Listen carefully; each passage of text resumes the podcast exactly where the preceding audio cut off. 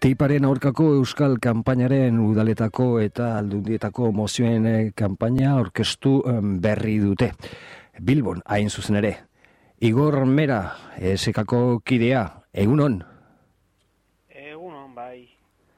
Ba, lehenik eta behin, tip berriro garatu behar dugu, zer den? E, TTIP-a e, gaur egun Europar batasuna eta Estatu batuen artean negoziatzen ari den e, komerzio askearen eta inbertsioen inguruko tratatu bat da. E, gaur, esan bezala, negoziatzen ari dira, eta, bueno, negoziak eta sekretuak izaten ari dira, eta dakigun apurra, ba, bueno, filtrazioen bidez izaten ari da, eta, bueno, ba, jaituta gaude nola alako tratatu edo itun, nazioarteko itun hauek, ba, era horretan egiten diezen, ezta?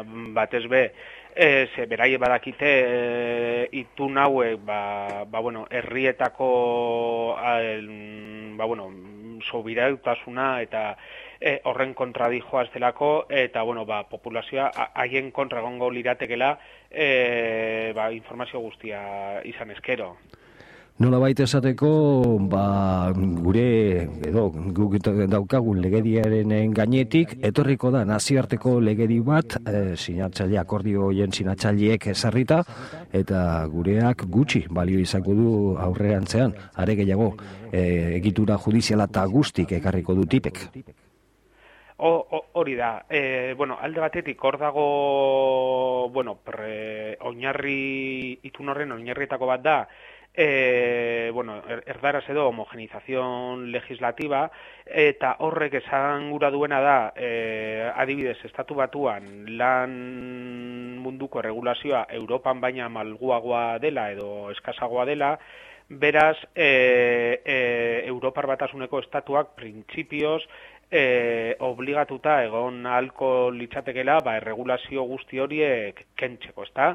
E, hori alde batetik, eta hori nola egiten da, ba, hori lortzeko e, ezartzen dute e, mekanismo juridiko bat, tresna juridiko bat, ISDS deitzen dana, eta ISDS horren bitartez, enpresak beraiek estatuen kontra jo egin aldute e, alderantziz ez du funtzionatzen. Ez, ez du balio estatuek beraien eskubideak eta e, populazioen eskubideak defenditzeko, baizik eta soilik enpresen interesak defenditzeko. Beraz, enpresa batek ulertzen baldin badu adibidez, ba, estatu edo eskualde batean dagoen natura babesteko erregulazioa beraien etekinen kontra dijoala, edo leku jakin bateko e, negoziazio kolektiboa beraien interesen kontra dijoala, ba, horren kontra egin aldu. E, sistema juridiko propio horretan, ez? Claro, ez da mm, sistema judizial publiko bat, hor, hor daude, ba, abokatu... E, abokat, mm, abokatuen enpresa handiei hauetan hori horrek manejatzen dituzte, horre izendatzen dira arbitro batzuk, e, eta da guzti opakoa, oza, ez da...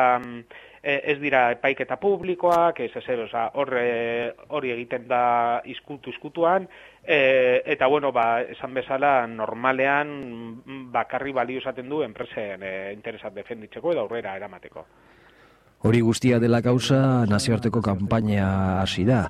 Esate baterako Euskal Herrian ere, udaletan, aldundietan eta gehiago. Konta eguzu mesedez, Igor. Bai, bueno, a ver, e, gaur egun, bueno, atxo izan genuen e, nazioarteko kanpainaren mugarri bat, e, ba, pasaden urtetik e, egon gara Europa mailako hogeita bost, e, hogeita bost estatutan e, TTIP-aren eta Z-aren kontrako sinadurak biltzen, e, zita, o sea, Z hori aipatzearen da, e, Kanadarekin gaur egun ere negoziatzen ari diren beste itun bat, baina parametro berberetan, e, esan bezala, atxo e, bukatu zen sinadura biltzeko epea, atxo egin zen aurkezpena Bruselasen, eta atxor arte Europa mailan 3,2 milioi sinadura lortu egin ditugu. Hori izan da, kam, kampaina, nazioarteko kampainaren mugarrietako bat, e, ama bilabete hauetan ere, ba, bueno, koordinatu izan ditugu nazio, nazioarte mailan e, ekintza, borroka ekintza ezberdinak, eta hor ere oso positiboki baloratu behar da, e, ba, ekintza koordinatu horiek eman direla bai Europar batasunean eta baita ere estatu batuetan, hori oso garrantzitsua da guretzat, eta, bueno, ba, emetik aurrera, ba, irekitzen da, bigarren fase handi bat, e, borroka fase handi bat, eta, bueno, lehen, lehenengo, lehenengo jomuga edo lehenengo data hor daukaguna da, e, urriaren amarra, legia zapatu honetan, e, urriaren amarra izaten ari da, edo izango da, Europa, Europa guztian TTIP-aren kontrako eguna, eta hor, ba, hainbat eta hainbat iritan, eta hainbat eta hainbat herritan, e, egingo, egingo dira ere e, ekintzak, ezta? E, bueno, era zehatz batean Euskal Herriko, e, Euskal Herriko lau hiriburuetan e, konzentrak egingo ditugu, e, gazpeizen am, amabitarditan, foruen enparantxan bai. E, hori gure plangintzan, ere lotuta dago, e, ba, gaur, bueno, ja, asteazkenetik, e, akordatuta daukagun edo konsensuatuta daukagun eragile sozial eta politikoen artean e, ba, udaletxetara, e, foru erakundetara eta jarlaitzara ere e, eramateko kanpaina bat ba, mozioak eramateko TTIP-aren kontra. Bukatzeko igor, hori guztia larun batean jakina tiparen aurkako borroka luzea izango da gaia oso serioa delako. Igandetik aurrera zer?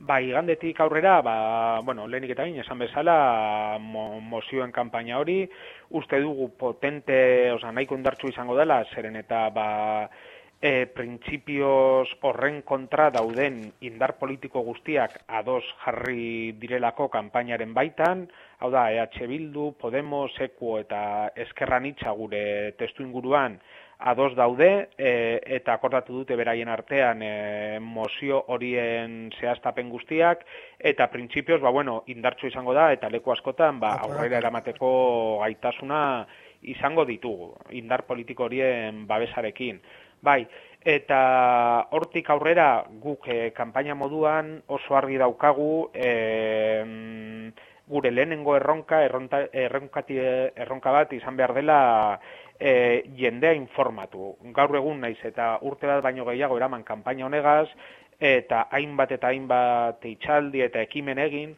e, oraindik e, ba bueno hiritarrak e, ez dute tetipa ezagutzen eta ez dute ezagutzen zein izan litezkeen honen ondorian geure bizitza zehatzetan ezta e, gure egunerokotasunean.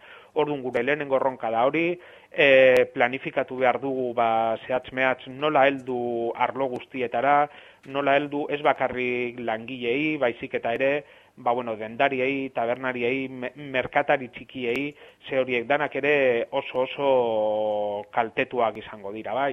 Ordu nor, e, erronka da lehenengo eta behin informatu, edatu, edatu sensibilizazio kanpaina potente bat, e, eta bueno, indarrak biltzen jarraitza, ezta? E, momentuz ez, ez dugu e, ez, ez daukago ikusita, ba, bueno, berrirako zer egiteko gai izango garen, baina bai, gure bilbidea hori izan behar dela. Harik eta gehien edatu informazioa, harik eta gehien sustatu kanpaina, e, indarrak biltzen jarraitzeko. Eta hor, e, mantendu behar dugu, eta hori garrantzitsua da baita ere, Europa mailan dagoen koordinazioa, koordinazio maila, eta beraz hor agendak izaten dira pizka bat komplikatuak ja ba hogeita bost estatu batera mugitu behar dituzunean edo e, hogeita bost realitate ezberdin ezta?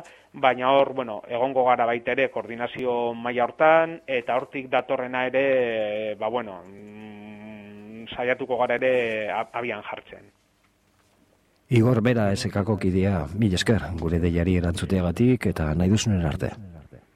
Mil esker zeuei. Agur. Agur.